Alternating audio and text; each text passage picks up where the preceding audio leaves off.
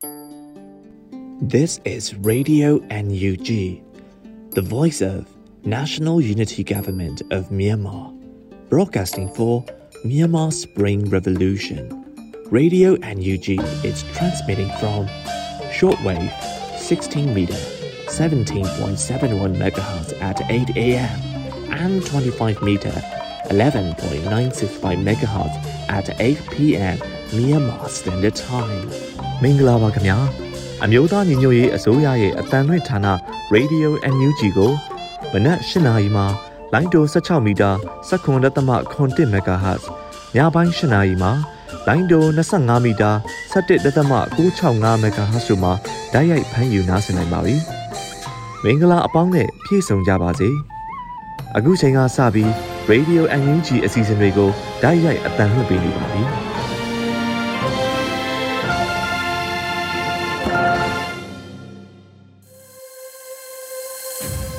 Radio NUG ကိုနားတော်တာဆင်နေတဲ့ပရိသတ်များမင်္ဂလာနေ့လည်ခင်းပါရှင်။ကျမတို့ရဲ့တိုးချက်ထုံးလင်းမှုစီစဉ်ဖြစ်တဲ့နေ့လည်ခင်းစီစဉ်တွေကိုစတင်ထုတ်လွှင့်ပေးတော့မှာဖြစ်ပါတယ်။ဒီနေ့နေ့လည်ခင်းမှာတင်ဆက်ပေးဖို့ရှိနေတဲ့အကြောင်းအရာတွေကတော့နေ့လည်ခင်းသတင်းတွေတော်လန်ရေးဆောင်ပါ86ကြိမ်မြောက်ကုလထွေထွေညီလာခံမှာမြန်မာတန်မကြီးရဲ့တင်ပြချက်နဲ့အတူတခြားစိတ်ဝင်စားဖွယ်ရာအကြောင်းအရာတွေကိုတင်ဆက်ပေးဖို့ရှိနေတာဖြစ်ပါတယ်။ ဒီနေ့နေ့လည်ခင်းရဲ့ပထမဆုံးစီစဉ်အနေနဲ့နေ့လည်ခင်းသတင်းတွေကိုတော့ရန်နိုင်မှဖတ်ကြားတင်ပြပေးပါမယ်။မင်္ဂလာပါခင်ဗျာ။နေ့လည်ခင်းသတင်းများကိုစတင်ဆင်ခံပေးပါမယ်။မြန်မာနိုင်ငံမှာလူသားချင်းစာနာထောက်ထားမှုကူညီများရရှိနိုင်ဖို့အခက်အခဲများကြုံနေရတဲ့အကြောင်းတမ္မကြီးဦးကျော်မိုးထွန်းကပြောဆိုလိုက်ပါတယ်။လူသားချင်းစာနာထောက်ထားမှုကူညီများရရှိနိုင်ရေးမှာဆိုးရွားတဲ့အခက်အခဲများကြုံတွေ့နေရကြောင်းကို ကုလသမဂ္ဂမြန်မာကိုယ်စားလှယ်တမတ်ကြီးဦးကျော်မိုးထွန်းကဒီဇင်ဘာလ10ရက်နေ့ကကျင်းပပြုလုပ်ခဲ့တဲ့86ကြိမ်မြောက်ကုလသမဂ္ဂထူးထူးညီလာခံအကြိမ်90မြောက်မျက်နှာစုံညီစည်းဝေးမှာအခုလိုပဲထည့်သွင်းပြောကြားသွားတာပါစစ်တပ်ကအခုလိုအာဏာသိမ်းထားသမျှကာလပတ်လုံးပြည်တွင်းပြည်ပကပေးအပ်လာတဲ့စာနာထောက်ထားမှုအကူအညီများဟာစစ်ဘေးရှောင်ဒုက္ခသည်တွေစီကိုကောင်းစွာရောက်ရှိနိုင်မှာမဟုတ်ဘူးလို့သူကပြောပါတယ်။ဒါကြောင့်အခုလိုခက်ခဲတွေကိုကြော်ဖြတ်နိုင်ဖို့ကယ်ဆယ်ရေးတွေအမြန်ဆုံးလိုရရောက်ဖို့ နေဆက်ဖြတ်ကျော်ကူညီပေးရေးအပါအဝင်ရနိုင်သမျှနည်းလမ်းတွေကိုလည်းရှာဖွေရမှာဖြစ်ကြောင်းတမ်မတ်ကြီးကပြောဆိုသွားပါတယ်။ကင်းစရေးနဲ့ကူညီတွေလိုရာရောက်ဖို့ကိစ္စအပြင်စကိုင်းတိုင်းစလင်းကြီးမြို့နယ်မှာဖြစ်ပေါ်ခဲ့တဲ့ကလေးရွယ်ပါဝင်ပြည်သူစစ်တအူးကိုလက်ပြန်ကျိုးတုပ်မိရှို့တတ်တဲ့လုပ်ရက်ကိုလည်းတမ်မတ်ကြီးကထဲသွင်းပြောဆိုသွားပါတယ်။ဒါပြင်ရန်ကုန်တိုင်းကြိမနိုင်ပန်းမင်ကြီးလမ်းပေါ်ကအာနာသိန်းစစ်ကောင်စီဖွဲ့များရဲ့ပြည်သူပေါ်ကားနဲ့တိုက်သက်ခြင်းများကိုလည်းကုလမျက်နှာစုံညီစည်းဝေးမှာ ထုတ်ဖော်ပြောပြသွားပါတယ်။အာနာသိန်းခံရပြီးနောက်ပိုင်းကစလို့ဒီဇင်ဘာလ6ရက်ထိကုလသမဂ္ဂဒုက္ခသည်များဆိုင်ရာမဟာမင်းကြီးယုံ UNHCR ရဲ့မှတ်တမ်းများအရပြည်သူ2,84,900ဦးဟာနေရဆွန့်ခွာထွက်ပြေးနေကြရပြီးလူသားချင်းစာနာထောက်ထားမှုကူညီလိုအပ်နေသူဦးရေဟာတသန်းမှ3သန်းအထိမြင့်တက်လာနေတယ်လို့သိရပါတယ်။ကိုဗစ်ကရောဂါကြောင့်အပြင်စစ်တပ်အာဏာသိမ်းမှုကြောင့်မြန်မာပြည်သားတွေဟာလူလက်တန်းစားပျောက်ကွယ်သွားနိုင်တဲ့အထိ စင်းရဲမွဲတင်မှုအနေနဲ့ကြုံနေရပြီဖြစ်ကြောင်းကုလသမဂ္ဂဖွံ့ဖြိုးတိုးတက်ရေးစီစဉ် UNDP ကခန့်မှန်းထားပါတယ်။လာမယ့်6လတာကာလအတွင်းမြန်မာပြည်သူ1.6တန်းဟာအစားအစာလိုအပ်ချက်များငမွက်ခေါင်းပေါက်မှုများဖြစ်လာမယ်လို့လည်းကမ္ဘာစားနပ်ရိက္ခာစီစဉ် WFP ကခန့်မှန်းထားတယ်လို့သိရှိရပါတယ်ခင်ဗျာ။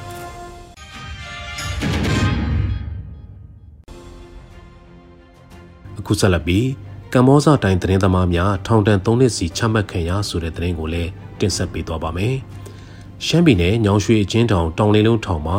ရှစ်လကျော်ကြာဖမ်းဆီးထိန်းသိမ်းခံထားရတဲ့ကမ္ဘောဇတိုင်းသတင်းဌာနမှသတင်းမီဒီယာသမားများနဲ့မိသားစုဝင်သတင်းသမားလို့ဆွဆွဲခံရသူစုစုပေါင်း၄ဦးတို့ကိုဒီဇင်ဘာလ10ရက်မှာထောင်တွင်းတရားရုံးကထောင်ဒဏ်3နှစ်စီချမှတ်ခဲ့တယ်လို့သိရပါတယ်။ကမ္ဘောဇတိုင်းသတင်းဌာနမှတာဝန်ခံအက်ဒီတာနန်းနန်းတိုင်းခေါ်နန်းနွေလိုင် သတင်းတောက်နန်းဝင်းရီထုတ်ဝေသူကိုတင်အောင်ကျော်နဲ့သတင်းသမားလို့ဆွဆွဲခံရတဲ့မိသားစုဝင်ဆိုင်းစီသူတို့ဟာပြီးခဲ့တဲ့မတ်လ24ရက်ညပိုင်းကဟိုပုံးမြို့မှာစစ်ကောင်စီရဲ့ဖမ်းဆီးခြင်းကိုခံရပြီးတဲ့နောက်ရာဇသက်ကြီးပုံမှန်905ကကြီးဖြင့်ညောင်ရွှေချင်းတောင်မှာရှစ်လကျော်ကြာချုံတော်ခံထားရခြင်းလည်းဖြစ်ပါတယ်။ညောင်ရွှေချင်းတောင်မှာရှိတဲ့တရားရုံးမှာဧပြီလ10ရက်မှဒီဇင်ဘာလ10ရက်အထိရုံးချိန်19ချိန်အတွင်းမှာ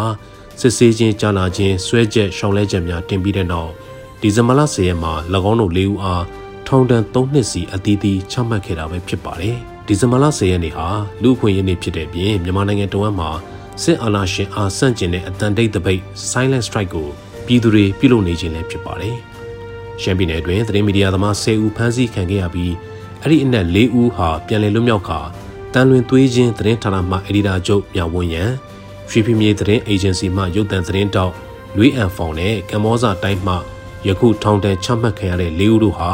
ချုံတောင်ခံထားရဆဲပဲဖြစ်ပါတယ်။ဒါပြင်တာချီလီသတင်းအေဂျင်စီရဲ့သတင်းမီဒီယာထုတ်ဝေခွင့်ကိုပိတ်သိမ်းခဲ့ပြီးသတင်းဌာနအချို့နဲ့သတင်းသမားတွေရဲ့နေအိမ်တွေကိုစစ်ကောင်စီကဝင်ရောက်မှွေနှောက်ရှာဖွေခြင်းနဲ့သတင်းသမားအချို့ကိုလည်းအမှုဖွင့်ထားတဲ့သတင်းမီဒီယာသမားအများစုဟာထွက်ပြေးတင်းရှောင်နေကြရပါတယ်။မြန်မာတနိုင်ငံလုံးအတိုင်းအတာအနေနဲ့စစ်တပ်ကအာဏာသိမ်းခဲ့တဲ့ဖေဖော်ဝါရီလ၁ရက်မှဒီကနေ့အထိသတင်းသမားစုစုပေါင်း130ခန်းဟာ ဖမ်းဆီးခံခဲ့ရပြီးအဲ့ဒီအနက်40ဦးခန့်ဟာဒီကနေ့အထိချုံတောင်ခံထားရဆဲဖြစ်တယ်လို့သိရှိရပါတယ်ခင်ဗျာ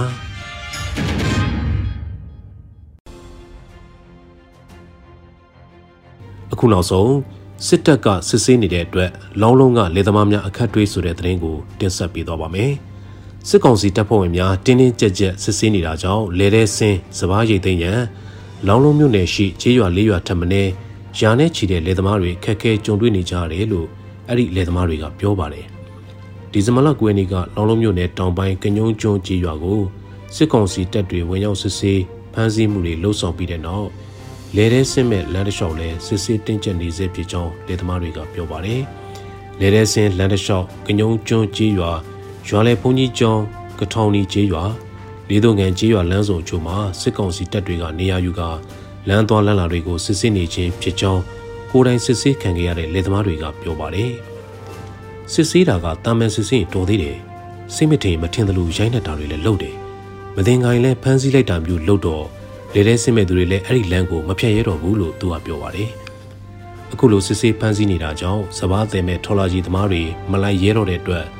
လေထဲမှာရှိတဲ့စဘာတွေတည်ယူဖို့ခက်ခဲဖြစ်နေတယ်လို့လည်းသိရပါတယ်။ မိုးသာရွာချလိုက်ရင်တနေ့လုံးလှုပ်လာခဲ့တဲ့ဟာတွေအကုန်လုံးဆုံးပြီးဇဝါတွေအကုန်ရင်မျိုးကုန်တော့မှလို့လေသမားတူကပြောပါတယ်။လေယာမီသွင်းအားစုတွေဇင်းတို့ကြီးမြင့်ပြီးဇဝါပိုချိန်မှာလည်းအထွတ်နှုံးရောကြလာတာကြောင့်အရှုံးပေါ်နေကြချိန်မှာအခုလိုပြစ်မဲ့ပြည်သူတွေကိုစစ်ဆေးဖမ်းဆီးနေတာကြောင့်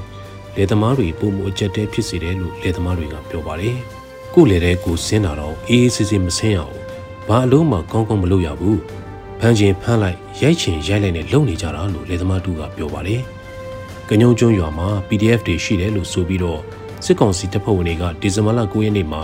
ဝင်ရောက်စစ်ဆေးဖမ်းဆီးခဲ့ပြီးလမ်းစုံတွေကိုပါစစ်ဆေးနေခြင်းဖြစ်တယ်လို့ဒေသခံတွေစီကနေသိရှိရပါတယ်။ဒီဇင်ဘာလ10ရက်နေ့မှာဂွန်အင်းကြီးရွာမှာလည်းစစ်ကောင်စီတပ်ဖွဲ့မှသတင်းပစ်ခတ်မှုကြောင့်မြို့သမီးငယ်တူတေဆုံးခဲ့တယ်လို့သိရှိရပါတယ်ခင်ဗျာ။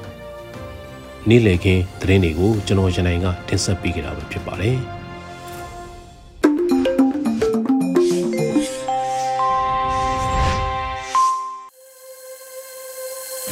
ဒီတစ်ခါမှာတော့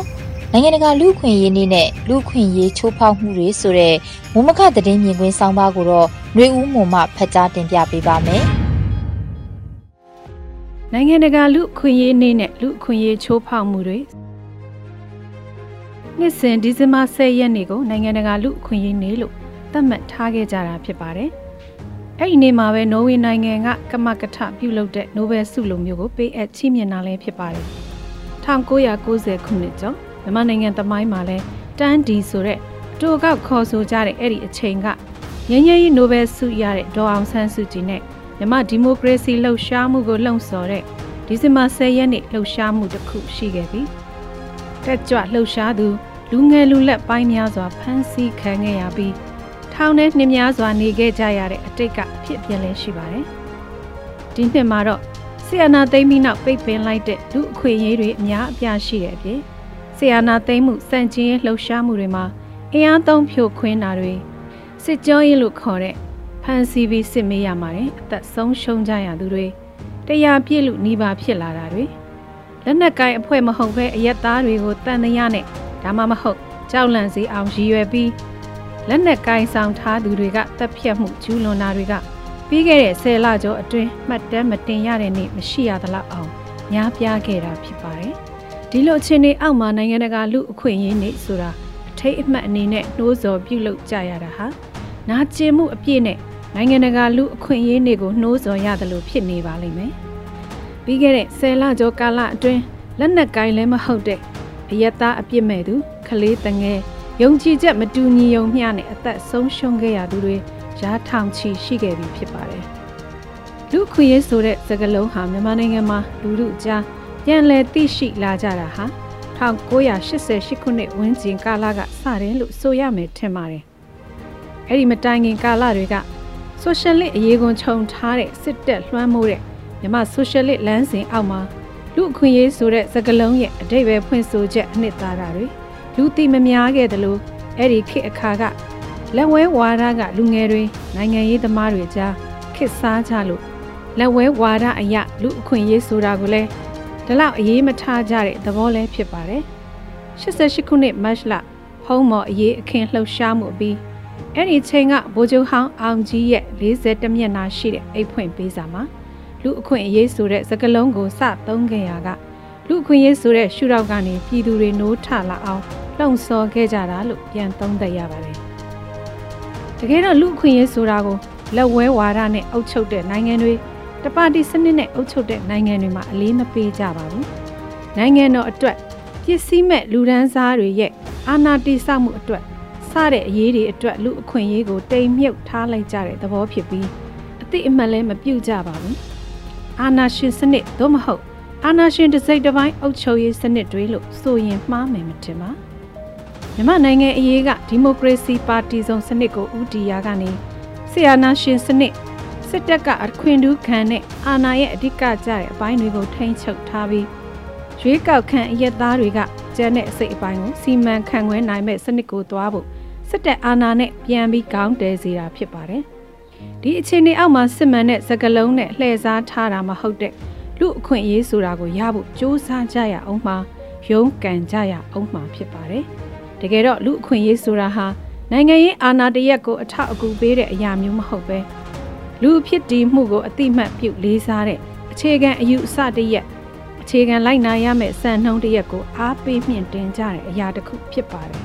။ဒီဇင်ဘာ10ရက်နေ့အတန်တိတ်တပိတ်တနည်းအားဖြင့် ဆီယာနာသိမ်းမှုကိုစန့်ကျင်ကန့်ကွက်သောအားဖြင့်10ရက်နေ့နေကင်း6နာရီကြာအပြစ်မထွက်ရေးနှိုးဆော်ကြတာကိုရခိုင်ပြည်နယ်မှအပမြို့ကြီးအားလုံးနီးပါးမှာလိုက်နာလှုပ်ဆောင်ကြပြီးမြို့တွေမှာဈေးဆိုင်တွေပိတ်ထားတာကုန်တိုက်ကြီးတွေကဆိုင်အတော်များများမထွက်တာတွေတွေ့ရပါတယ်။မနက်ပိုင်း10နာရီမထိုးမီမှာတော့သွားစရာကိစ္စရက်တွေကိုသွားလာလှုပ်ဆောင်ကြပြီး10နာရီနောက်ပိုင်းမှာတော့ရုံးတွေအချို့သောပုဂ္ဂလိကကုမ္ပဏီတွေကလွဲပြီးလမ်းပေါ်မှာအသွားအလာမရှိသလောက်ရှင်းလင်းနေကြတာတွေ့ရပါတယ်။ စစ်ကောင်စီဘက်ကလည်းဒီလိုနှိုးဆော်မှုရှိတဲ့နောက်ဈေးဆိုင်တွေကိုဒီနေ့မှပိတ်ထားခဲ့ရင်တစ်လပိတ်ခံရမယ်ဆိုတဲ့ချင်းချမှုတွေမြို့အချို့မှာလုပ်ခဲ့ကြတာတွေ့ရပါတယ်။ဒီနေ့ဖို့အခြားသောသတင်းတွေကတော့မြန်မာနိုင်ငံမှာအကျဉ်းကျနေတဲ့သတင်းသမား26ဦးရှိတယ်လို့ American အခြေစိုက်သတင်းသမားကာကွယ်ရေးကော်မတီ CPJ ကထုတ်ပြန်လိုက်ပြီးဒီကိန်းဂဏန်းဟာကမ္ဘာမှာဒုတိယအများဆုံးကိန်းဂဏန်းဖြစ်လို့တရုတ်နိုင်ငံပြီးရင်မြန်မာနိုင်ငံကကမ္ဘာမှာဒုတိယအများဆုံး သတင်းသမားတွေဖမ်းဆီးအကျဉ်းချတဲ့နိုင်ငံဖြစ်တဲ့သဘောပါ။သတင်းသမားဥယေထောင်ငန်းများသာရှိတဲ့မြန်မာနိုင်ငံအဖို့အခုလိုဒါဇင်နဲ့ချီတဲ့သတင်းသမားတွေဖမ်းဆီးထိန်သိမ်းထားတာဟာအချို့အစားအဖြင့်အလွန်များတယ်လို့ဆိုရမှာပဲဖြစ်ပါတယ်ရှင်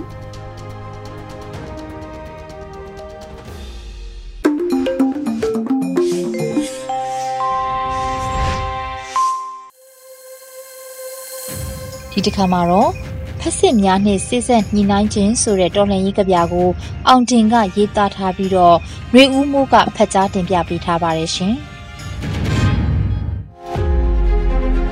မင်္ဂလာပါခင်ဗျာ။ကြဗျာဆရာအောင်တင်တည်ကုန်းထားတဲ့ဖက်စစ်များနဲ့စိတ်ဆက်ညှိနှိုင်းခြင်းဆိုတဲ့ကြဗျာကိုရွတ်ဖတ်သွားမှာဖြစ်ပါတယ်။အောင်တင်ဖက်စစ်များနဲ့စိတ်ဆက်ညှိနှိုင်းခြင်း2021ခုနှစ်ဒီဇင်ဘာလ10ရက်မနက်ခင်းကလေးက တိတ်ဆိတ်ငြိမ်သက်ခဲ့တဲ့နိုင်ငံတော်ဟာ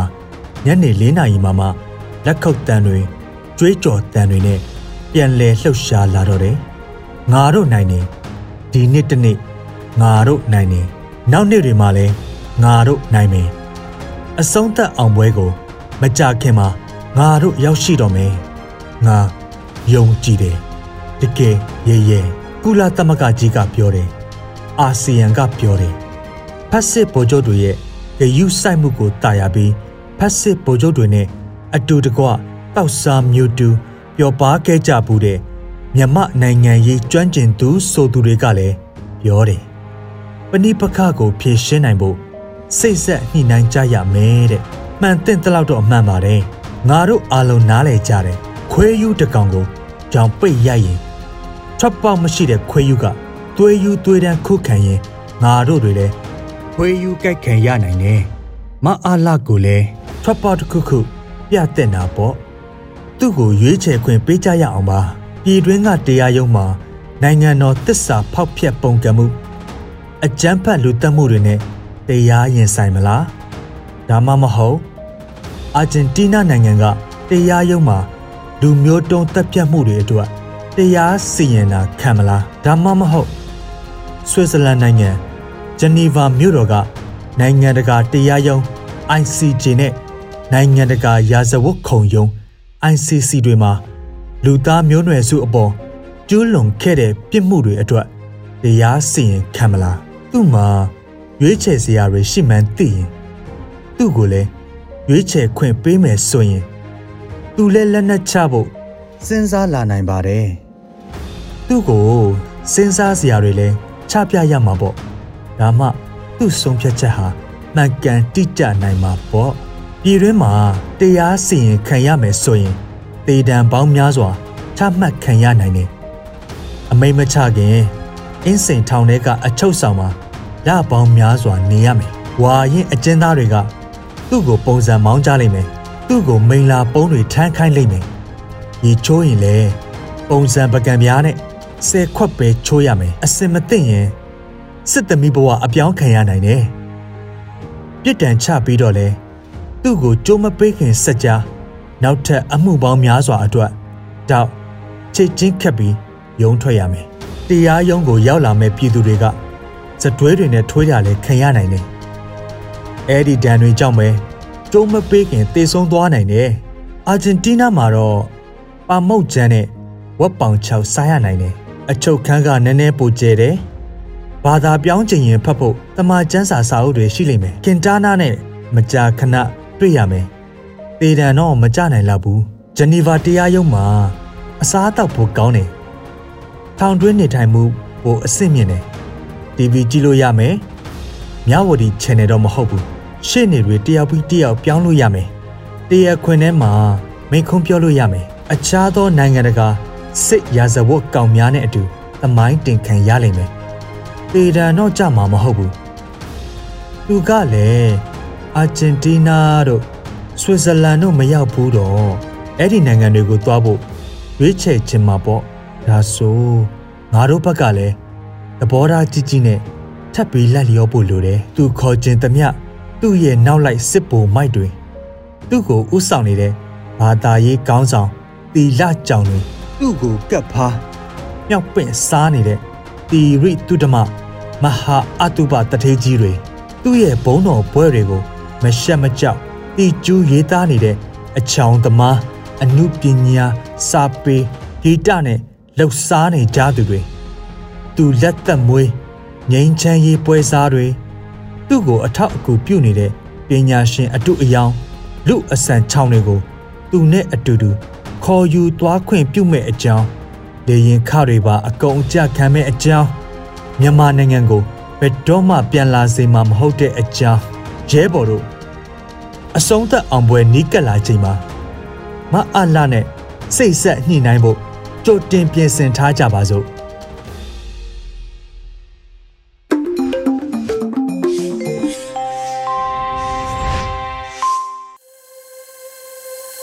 ဆက်လက်ပြီးနားဆင်ကြရမှာကတော့86ကြိမ်မြောက်ကုလသမဂ္ဂထွေထွေညီလာခံမှာမြန်မာတန်မတ်ကြီးဦးကျော်မိုးထွန်းရဲ့တင်ပြချက်ကိုရန်နိုင်မှဖတ်ကြားတင်ပြပေးမှာဖြစ်ပါတယ်ရှင်။ကုလသမဂ္ဂဆိုင်ရာမြန်မာအမြဲတမ်းကိုယ်စားလှယ်တမ်မတ်ကြီးဦးကျော်မိုးထွန်းဟာ86ကြိမ်မြောက်ကုလသမဂ္ဂထွေထွေညီလာခံအကြိမ်90မြောက်မျက်နှာစုံညီစည်းဝေးမှာအထူးစီးပွားရေးကူညီပေးအပ်မှုပါဝင်ကုလသမဂ္ဂလူသားချင်းစာနာထောက်ထားမှုနဲ့ဘေးအန္တရာယ်ကယ်ဆယ်ရေးဆိုင်ရာပူးပေါင်းဆောင်ရွက်မှုမြင့်တင်ရေးဆိုင်ရာစည်းဝေးမှာ မြန်မာနိုင်ငံငြိမ်းချမ်းမှုတည်ငြိမ်အေးချမ်းမှုနဲ့လူသားချင်းစာနာထောက်ထားမှုကူညီရရှိရေးအတွက်နိုင်ငံတကာတိုက်ဝန်းမှမြန်မာပြည်သူများအားကူညီထောက်ပံ့ရန်တိုက်တွန်းခြင်းဆိုတဲ့ခေါင်းစဉ်နဲ့တင်ပြချက်တစ်စောင်ကိုဖတ်ကြားခဲ့ပါတယ်။အဲ့ဒီတင်ပြချက်ပြေဆုံးမှာကုလသမဂ္ဂဆိုင်ရာမြန်မာပြည်ထောင်ကိုယ်စားလှယ်တမ်မတ်ကြီးဦးကျော်မိုးထွန်းဟာ2021ခုနှစ်ဒီဇင်ဘာလ10ရက်နေ့မှာ86ကြိမ်မြောက်ကုလသမဂ္ဂထွေထွေညီလာခံအကြိမ်90မြောက်မျက်နှာစုံညီစည်းဝေးမှာကျင်းပပြုလုပ်တဲ့ ကုလသမဂ္ဂရဲ့အထူးစီးပွားရေးအကူအညီပေးအပ်မှုပါဝင်လူသားချင်းစာနာထောက်ထားမှုနဲ့ဘေးအန္တရာယ်ကယ်ဆယ်ရေးဆိုင်ရာပူးပေါင်းဆောင်ရွက်မှုမြင့်တင်ရေးဆိုင်ရာစည်းဝေးမှာမိန့်ခွန်းပြောကြားခဲ့ပါတယ်။တမ္မကြီးဦးကျော်မိုးထွန်းရဲ့မိန့်ခွန်းမှာအောက်ပါအဓိကအချက်များပါဝင်ပါတယ်။ကာကြီးယခုနှစ်များအတွင်းကယောဂပြန့်ပွားမှုပဋိပက္ခဖြစ်ပွားမှုယာတိဥရုပြောင်းလဲမှုနဲ့တဘာဝဘေးအန္တရာယ်မကြာခဏဖြစ်ပွားမှုတို့ကြောင့်လူသားချင်းစာနာထောက်ထားမှုကူညီလိုအပ်မှုဟာ ကမ္ဘာတဝန်းမှာပုံမတိုးတက်လာတာကိုတွေ့ရကြောင်းမြန်မာနိုင်ငံအနေနဲ့တိုးပွားလာတဲ့ကမ္ဘာလုံးဆိုင်ရာလူသားချင်းစာနာထောက်ထားမှုအကူအညီလိုအပ်မှုအပေါ်ကုလသမဂ္ဂရဲ့တုံ့ပြန်ဆောင်ရွက်မှုနဲ့ပူးပေါင်းဆောင်ရွက်မှုများကိုအားပေးထောက်ခံကြောင်းခါခွေ2020ပြည့်နှစ်တွင်အလှူရှင်များရဲ့သရာတရားထက်သန်စွာဖြင့်လှူဒန်းထောက်ပံ့ငွေ American Dollar 19.11ဘီလီယံရှိခဲ့တော်လဲနေရဆုံးခွာမှုတိုးမြင့်လာမှုပြင် လူသားချင်းစာနာထောက်ထားမှုရမုံငွေကွာဟမှုပုံမူကြီးမားလာမှုတို့အပေါ်စိုးရိမ်မိကြောင်းကမ္ဘာနေရာတည်တည်မှာအရေးပေါ်လူသားချင်းစာနာထောက်ထားမှုအကူအညီလိုအပ်မှုဟာကမ္ဘာနိုင်ငံများကြားပုံမနီးကပ်စွာပူးပေါင်းဆောင်ရွက်ရန်လိုအပ်နေမှုကိုသိသာထင်ရှားစေကြောင်းကငယ်2021ခုနှစ်ဖေဖော်ဝါရီလ10ရက်နေ့ကတရားမဝင်စစ်တပ်အာဏာသိမ်းမှုဖြင့်စစ်တပ်ဟာလက်ရှိမှာစီးပွားရေးနဲ့လူသားချင်းစာနာထောက်ထားမှုဆိုင်ရာလူသားဖန်တီးတဲ့ဘေးဒုက္ခကြီးကိုဖြစ်ပွားစေခဲ့ပြီး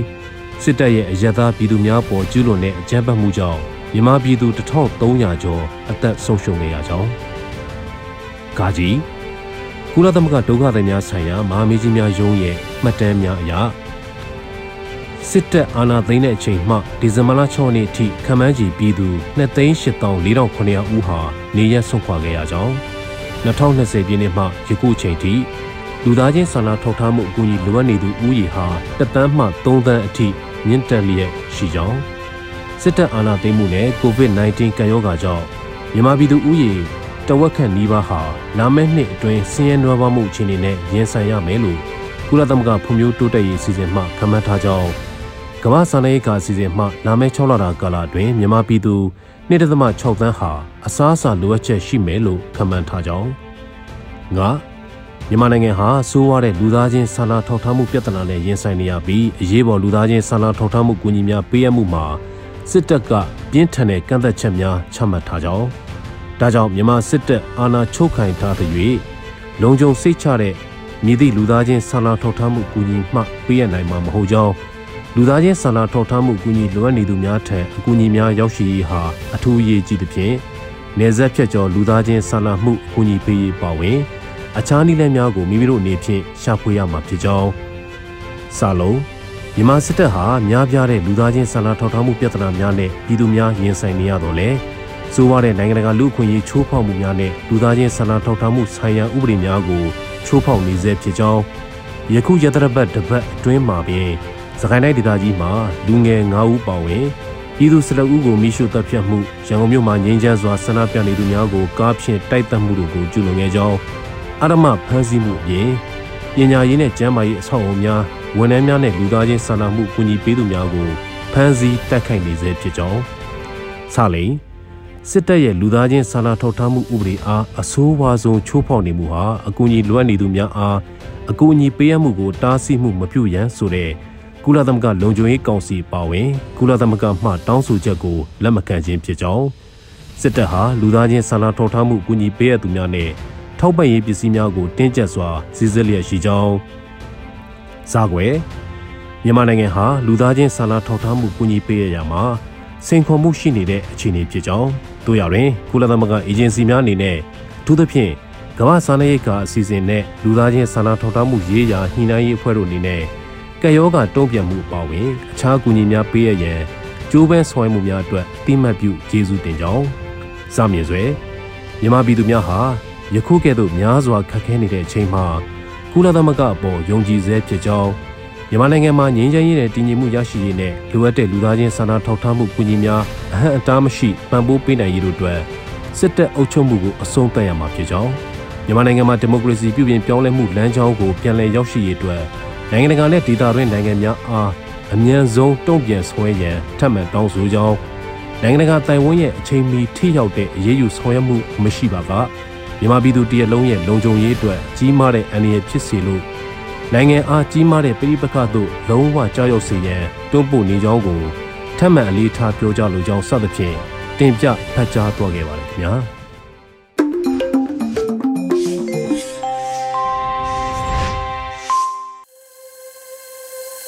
။ဒီနေ့နေ့လည်ခင်းရဲ့နောက်ဆုံးစီစဉ်အနေနဲ့နေ့စဉ်သတင်းများကိုထက်ထက်အိန္ဒြာအောင်ကတင်ဆက်ပေးမှာဖြစ်ပါတယ်ရှင်။ အခုပထမဆုံးအနေနဲ့မြို့နယ်တချို့မှာအတန်တိတ် debate silent strike များပါဝင်ခဲ့တဲ့ဈေးတွေကိုစစ်ကောင်စီတပ်ကရိုက်နှက်ချင်းချောက်ပြီးစိုင်မဖွင့်စီပဲနှင်လွှတ်ခြင်းပစ္စည်းများတင်ခြင်းတို့ကိုပြုလုပ်နေတဲ့တဲ့တင်ကိုတင်ဆက်ပေးပါမယ်။မနေ့ကပြုလုပ်တဲ့အတန်တိတ်တပိတ်မှာပူပေါင်းပါဝင်ပြီးစိုင်ပိတ်ခဲ့တဲ့ဈေးတွေကိုဒီကနေ့ဒီဇင်ဘာလ17ရက်စိုင်ပြန်ဖွင့်ချိန်မှာစစ်ကောင်စီတပ်တွေကဈေးတွေကိုရိုက်နှက်ချင်းချောက်ပြီးဈေးမြောင်ခိုင်မင်းပြန်လှန်နေပါတယ်။ စစ်ကောင်စီတပ်တွေရဲ့ရိုက်နှက်ချင်းချမှုတွေကြုံတွေ့ရတဲ့ဈေးတွေမှာမုံရွာမြို့ကုံစိန်တန်းကမာရုံမှာရှိတဲ့လှည့်တန်းဈေးနဲ့ထန်းတပင်လန်ထိတ်လမ်းဘေးဈေးအပါအဝင်တွန့်တေးမြို့မှဈေးတွေပါဝင်တယ်လို့ဒေသခံတွေကပြောပါတယ်။မုံရွာမြို့မှာရှိတဲ့ကုံစိန်ဈေးတောဈေးတန်းကဈေးတွေဒီကနေ့မနက်ဈေးထွက်ချိန်မှာစစ်ကောင်စီတပ်တွေကရိုက်နှက်ပြီးပြန်လွှတ်တာတွေရှိခဲ့ပြီးတော့အလားတူပဲရန်ကုန်မြို့လှည့်တန်းဈေးနဲ့ထန်းတပင်လမ်းမှာရှိတဲ့လမ်းဘေးဈေးတွေကိုလည်းဆဲဆူချိန်ချမှုတွေရှိနေတာကြောင့်ဈေးတွေတချို့စိုက်သိမ်းနေရတယ်လို့ဒေသခံတွေကပြောပါတယ်။ဒါအပြင်ဒီကနေ့မနက်အစောပိုင်းကလည်းတွန်တေးမြို့ဈေးရုံကြီးအတွင်းမှာစစ်ကောင်စီတပ်တွေကတပ်နှက်ပစ်ဖောက်ပြီးဈေးမယောင်ရဆိုပြီးဈေးသည်တွေကိုပြန်လွှတ်ခဲ့တယ်လို့ဒေသခံတွေကပြောပါတယ်။မနက်၄နာရီခန့်ကဈေးကိုစစ်ကောင်စီတပ်တွေကကားနဲ့ရောက်ရှိလာပြီးတော့တပ်နက်၅ချက်ခန့်မိုးပေါ်ထောင်ပစ်ကဈေးမယောင်မှုတားမြစ်ခဲ့တာဖြစ်ပါတယ်။ အဓိကကတော့မနေ့က silent day မှာဈေးတွေပိတ်ထားတာကိုမကြည့်နဲ့လို့အခုလိုလောက်တာထင်တယ်ဈေးသမားတွေလည်းကြောက်ပြီးပြန်သွားကြလို့ဈေးကြီးလည်းပိတ်ထားပြီးလို့တွန်တေးမြို့ကန်အရှင်မတအုပ်ကပြောပါတယ်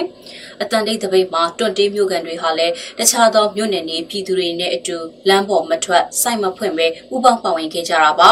ဒါကြောင့်မနေ့ကဒီဇင်ဘာ10ရက်နေ့နေ့လယ်ပိုင်းလောက်ကစပြီးတော့20ဒလလမ်းသစ်နဲ့လမ်းဟောင်းတွေကိုဘောင်းတော်ကျုပ်လမ်းဆောင်ကနေပိတ်ထားခဲ့ရာဒီကနေ့မနက်ပိုင်းထိပြန်လည်မဖွင့်လှစ်နိုင်သေးရပါ မနေ့ကတနိုင်ငံလုံးအတိုင်းအတာနဲ့ပြုလုပ်ခဲ့တဲ့အတန်တိတ်တပိတ်မှာပူပေါင်းပါဝင်ခဲ့တဲ့ဈေးသည်တွေနဲ့ဈေးဆိုင်ရှင်တွေကိုစစ်ကောင်စီကပြစ်မှတ်ထားပြီးပစ္စည်းတွေသိမ်းယူခြင်းဆိုင်တွေဆက်လက်ပိတ်ခိုင်းတာတွေအပါအဝင်နှောက်ယှက်ဖျက်ဆီးမှုတွေလည်းရှိနေပါတယ်။စစ်ကောင်စီနဲ့သူ့ရဲ့လက်ပါစီတွေပြစ်မှတ်ထားခံရတဲ့ဈေးတွေမှာပဲခူးတိုင်းတိုက်ဦးမြို့မှာဈေးဆိုရင်မင်းညနေပိုင်းကလေးကကိုဗစ်ကာကွယ်ရေးအတွက်ဈေးကိုတပတ်တီတီပိတ်ရမယ်လို့မြို့စီမံကောင်စီကစာထုတ်ခဲ့ပါသေးတယ်။ ဆလဘီအထူးငွေတိုင်းစာချုပ်တွေကိုနိုင်ငံအသီးသီးမှာရှိတဲ့ကိုယ်စားလှယ်တွေကနေတဆင့်မကြမီမှာရောင်းချပေးသွားမယ့်တဲ့တင်ကိုတင်ဆက်ပေးပါမယ်။အမျိုးသားညီညွတ်ရေးအစိုးရရဲ့ຫນွေဦးတော်လှန်ရေးငွေတိုက်စာချုပ်ကိုဝယ်ယူခြင်းသူတွေအနေနဲ့ကိုယ်စားလှယ်ကိုချိတ်ဆက်ဝယ်ယူမှာဖြစ်ပြီးနိုင်ငံအသီးသီးမှာကိုယ်စားလှယ်တွေထားရှိအောင်ချပေးသွားမှာဖြစ်ကြောင်းအန်ယူချီရဲ့စီမံကိန်းဗဏ္ဍာရေးနဲ့ရင်းနှီးမြှုပ်နှံမှုဝန်ကြီးဌာနကကြေညာလိုက်ပါတယ်။ အမျိုးသားညီညွတ်ရေးအစိုးရຫນွေဦးတော်လှန်ရေးအထူးငွေတိုက်စာချုပ်တွေကိုမြန်မာနိုင်ငံအတွင်းမှာမကြာမီရောင်းချတော်တော်မှာဖြစ်တယ်လို့လည်းသိရပါဗျ။ဒီလိုပြည်တွင်းရောင်းချမှုကို KIO ရဲ့ငွေကြေးပို့ဆောင်ပေးတဲ့စနစ်အုပ်ချုပ်ရေးနဲ့ဗန်စနစ်တွေအတိုင်း KPICT ကချင် Political Internal Coordination Team တို့နဲ့ပူးပေါင်းလက်ခံဆောင်ရွက်သွားမယ်လို့လည်းသိရပါဗျ။ ပြည်သူလူထုလုံခြုံစိတ်ချစွာဝယ်ယူနိုင်မယ့်နည်းလမ်းတွေနဲ့ရောင်းချသွားမှာဖြစ်ပြီးအစီအစဉ်အသေးစိတ်နဲ့စတင်ရောင်းချမယ့်နေ့ကိုထပ်မံအသိပေးကြေညာသွားမှာဖြစ်ပါတယ်။။ရေဦးတော်လှန်ရေးငွေတိုင်းစာချုပ်ကိုနိုဝင်ဘာလ22ရက်နေ့မှာစတင်ရောင်းချခဲ့ပြီးအခက်အခဲတချို့ရှိခဲ့တာကြောင့်ရန်နာထားကဝယ်ယူထားသူတချို့စီကိုလည်းငွေတိုင်းစာချုပ်တွေပြန်ပို့ပြီးဖြစ်တယ်လို့သိရပါဗျ။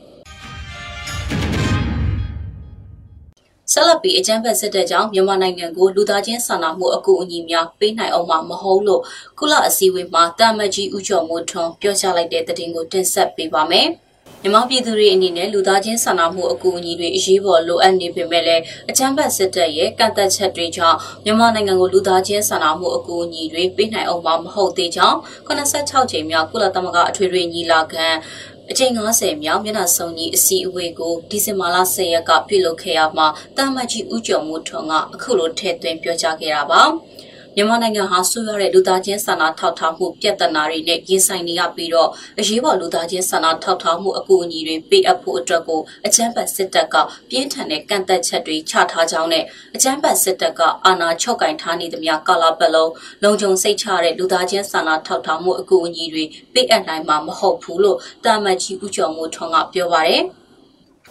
ဒါအပြင်ကုလသမဂ္ဂအနေနဲ့မြန်မာပြည်တွင်းကလူသားချင်းစာနာမှုအကူအညီတွေကိုလိုအပ်နေတဲ့သူတွေစီအကူအညီတွေရောက်ရှိဖို့နေဆက်ဖြတ်ကျော်ပြီးလူသားချင်းစာနာမှုအကူအညီတွေပေးနိုင်မှုအတွက်နီးလန်းနေရှာမှဖြစ်တယ်လို့လည်းပြောကြားခဲ့ပါတယ်။ အကြမ်းဖက်စစ်တပ်ကိုအပိတိုင်ချုပ်ငြိမ်းစေဖို့အတွက်နိုင်ငံတကာနဲ့ဒေသရင်းနိုင်ငံတွေကတုံ့ပြန်ဆောင်ရွက်မှုတွေလိုနေသလိုနိုင်ငံတကာအတိုက်အဝန်းအနေနဲ့အကြမ်းဖက်စစ်တပ်ကိုအချိန်မီထိရောက်တဲ့အရေးယူမှုတွေမလုပ်ဆောင်နိုင်ဘူးဆိုရင်တော့မြန်မာပြည်သူတွေအနေနဲ့လုံခြုံရေးအတွက်ကြီးမားတဲ့အန္တရာယ်တွေဖြစ်စေနိုင်ပါတယ်လို့ဆက်လက်ပြောကြားခဲ့ပါတယ်။ အမျိုးသားညီညွတ်ရေးအစိုးရဖွဲ့ရဲ့ထုတ်ပြန်ချက်တွေအရဆိုရင်အကြမ်းဖက်စစ်တပ်ကအာဏာသိမ်းပြီးတဲ့နောက်မှာအပြစ်မဲ့ပြည်သူ1300ကျော်ကိုတပ်ဖြတ်ခဲ့ပြီးထောင်ပေါင်းများစွာသောပြည်သူတွေကိုဖမ်းဆီးချုပ်နှောင်ထားပါတယ်။ကုလသမဂ္ဂဒုက္ခသည်များဆိုင်ရာမဟာမင်းကြီးရုံးရဲ့မှတ်တမ်းတွေအရဆိုရင်အကြမ်းဖက်စစ်တပ်ကအာဏာသိမ်းပြီးခဲ့ချိန်ကစလို့ဒီဇင်ဘာလ6ရက်နေ့အထိပြည်သူ2,800,4900ဦးခန့်ကနေရဆွန့်ခွာခဲ့ရတယ်လို့ဆိုထားပါတယ်။ ဒါအပြင်လူသားချင်းစာနာထောက်ထားမှုအကူအညီလိုအပ်နေတဲ့ဦးရေကတသန်းကနေ3သန်းအထိကိုမြင့်တက်နေတယ်လို့လည်းဆိုထားပါတယ်။ကုလသမဂ္ဂဖွံ့ဖြိုးတိုးတက်ရေးအစီအစဉ်ကတော့ဆီယနာသိမ်းမှုရဲ့ COVID-19 ကပ်ရောဂါတို့ကြောင့်မြန်မာပြည်သူဦးရေရဲ့ထက်ဝက်ခန့်ဟာလာမယ့်နှစ်အတွင်းမှာဆင်းရဲနွမ်းပါမှုအခြေအနေနဲ့ရင်ဆိုင်ရမယ်လို့ဆိုထားပါတယ်။ ကမ္ဘာစားနပ်ရိက္ခာအစီအစဉ်ကတော့လာမယ့်6လအတွင်းမှာမြန်မာပြည်သူ1.6တန်းအထိအစားအစာလိုအပ်ချက်ရှိမယ်လို့သတင်းထုတ်ပြန်ထားတာကိုတွေ့ရပါတယ်။အခုဆက်လက်ပြီးတော့တာမတ်ကြီးဦးကျော်မိုးထွန်းကိုလှုပ်ချန်ရန်ကြံစီတဲ့အမှုမှာပါဝင်တဲ့ရဲဟင်းစော်ကအပြစ်ရှိကြောင်းဝန်ခံထွက်ဆိုတဲ့သတင်းကိုတင်ဆက်ပေးပါမယ်။ မြန်မာတာမတ်ကြီးကိုလှုပ်ချင်ဖို့ကြိုးပမ်းပါဝင်မှုမှာဖမ်းဆီးခံထားသူရဲဟင်းစော်ကအပြစ်ရှိကြောင်းတရားရုံးမှာဝန်ခံထွက်ဆိုခဲ့တယ်လို့နယူးယောက်တောင်ပိုင်းခရိုင်တရားရုံးကမနေ့ကဒီဇင်ဘာလ10ရက်နေ့မှာသတင်းထုတ်ပြန်ခဲ့ပါတယ်။ ကုလသမဂ္ဂဆိုင်ရာမြန်မာတမတ်ကြီးဦးကျော်မိုးထွန်းကိုဒဏ်ရာရဖို့ဒါမှမဟုတ်တပ်ဖြတ်ဖို့လုပ်ချင်ရမှာပူပေါင်းပါဝင်ခဲ့တဲ့အကြောင်းကိုရဲဟိတ်စော်ကတရားရုံးမှာထွက်ဆိုခဲ့ပြီးရာဇဝတ်မှုအတွက်ပြစ်ဒဏ်ချမှတ်မှုကိုစောင့်ဆိုင်းနေတယ်လို့ American တရားရုံးရှေ့နေဒါမီယန်ဝီလီယံကပြောပါတယ်။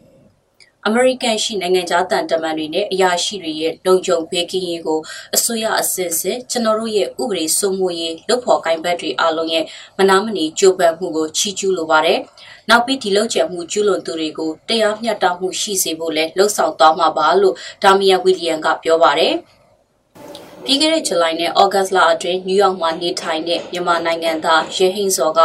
တာမန်ကြီးဦးကျော်မိုးထွန်းကိုဒဏ်ရာရဖို့ဒါမှမဟုတ်တပ်ဖြတ်ဖို့တခြားသူတွေနဲ့လျှို့ဝှက်ကြံစည်ခဲ့ကြောင်းနယူးယောက်တရားရုံးကထုတ်ပြန်လိုက်တာပါ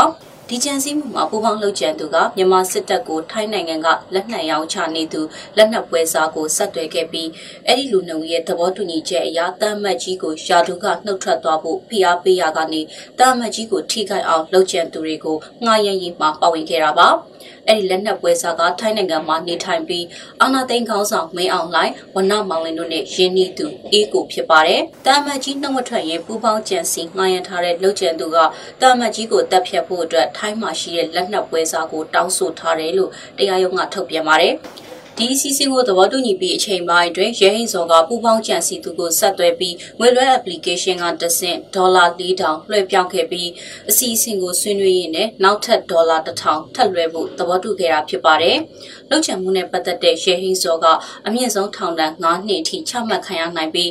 လာမယ့်2022မေလ10ရက်မှာရဲဟိန်စော်ကိုအမိန့်ချမှတ်ဖို့ချိန်ဆထားပါတယ်။ ဒါအပြင်ရဟိစော်ကစစ်တပ်အာဏာသိမ်းချိန်ရန်ကုန်မြို့ချီတက်ဆန္ဒပြချိန်မှာပါဝင်ခဲ့သူဖြစ်ပြီးနောက်ပိုင်းမှာမှအမေရိကန်ကိုထွက်ခွာသွားတာဖြစ်ပါတယ်။ရဟိစော်ရဲ့ဖခင်ကလက်နက်ပွဲစားအီကိုနဲ့ရင်းနှီးသူဖြစ်တယ်လို့လည်းသိရပါတယ်ရှင်။